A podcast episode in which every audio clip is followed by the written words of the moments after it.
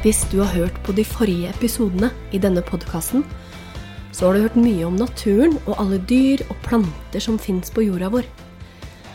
Men det som er så forferdelig trist, er at det er så mange dyrearter som er i ferd med å bli utrydda. Det vil si at de kan dø ut. Når en art dør ut, så betyr det at alle som hører til en art, dør. De blir borte for alltid, og da er det ikke mulig å få tilbake akkurat den arten. Og det har jo skjedd før.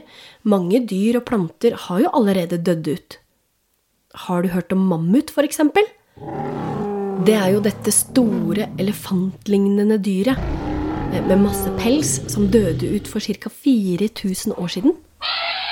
Den levde av helt spesielle planter, og på et tidspunkt så blei det for lite av disse plantene, og derfor døde den ut. Og sånn er det. Naturen kan være ganske streng. Og i naturen så er det sånn at den sterkeste overlever. Og det er de dyra som tilpasser seg best, som overlever. Men nå i vår tid så er det ikke bare på grunn av naturen at dyr dør ut. Nei, nå er det også på grunn av oss mennesker. Det er faktisk over 30 000 arter som står i fare for å dø ut. En av de største grunnene er at vi mennesker tar så stor plass. Før i tida så var det skog på mye av jordkloden, ja, unntatt i vannet, da.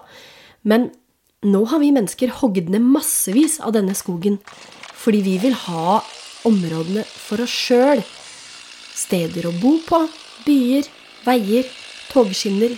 Og så vil vi ha plass til husdyra våre, og til beite og sånn. Og så vil vi ha områder til å dyrke mat på sånn som korn og gress til dyra.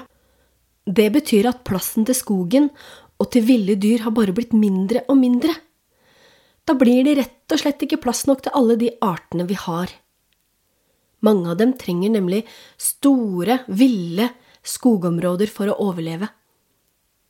Jeg skal fortelle om noen eksempler. Har du hørt om pandabjørnen? Hvis du har sett filmen Kung Fu Panda, så vet du at dette er de store, svarte og hvite og flotte bjørnene som bor i Kina. Men visste du at pandabjørnen kanskje kommer til å dø ut? De trenger nemlig store og litt fuktige og litt kalde bambusskoger for å leve. De spiser nemlig massevis av bambus. Men nå er det ikke så mye sånn skog igjen. Og det er bare noen få små steder i Kina som denne bjørnen lever på. Jeg må også nevne neshorn. Det fins flere typer neshorn. En type som heter javaneshorn, lever bare i Indonesia. Og nå er det bare 60 stykker igjen. Det er veldig, veldig få. Tenk hvis det bare var 60 mennesker igjen på hele jordkloden, da. Orangutang er også en art som kan dø ut fordi vi mennesker har hogd skog. Den trenger regnskog for å overleve, og det blir bare mindre og mindre regnskog for hver dag fordi den blir hogd ned. Og det samme gjelder tigeren, som også er utrydningstrua. Det er fordi den også har fått mindre og mindre områder å leve på. Mange av disse artene er nå freda. Det betyr at det ikke er lov til å drepe dem eller fange, ødelegge eller skade dem. Det er òg en annen grunn til at arter kan dø ut. Du har kanskje hørt at klimaet vårt endrer seg? At temperaturen øker? Det vil si at det blir varmere og varmere på jorda. Det skjer fordi vi forurenser. Og det gjør at isen på både Nordpolen og Sørpolen smelter. Derfor er isbjørnen også utrydningstrua. Den trenger isen for å jakte på seler. Hvalrossen er også utrydningstrua pga. at temperaturen forandrer seg. Noe annet vi mennesker driver med, er overhøsting. Det betyr at vi jakter eller fanger for mange av en art. Se for deg at vi hadde fiska opp all fisken i havet til det var helt tomt. Du tenker kanskje at ja, men det går jo ikke an, og så er det jo utrolig dumt, da. Men det skjer nesten sånn. Altså, det er jo ikke helt tomt med fisk, men noen fiskearter har blitt fiska så mye at de står i fare for å dø ut. Og det gjør jo at dyr som spiser denne fisken, også kan dø ut.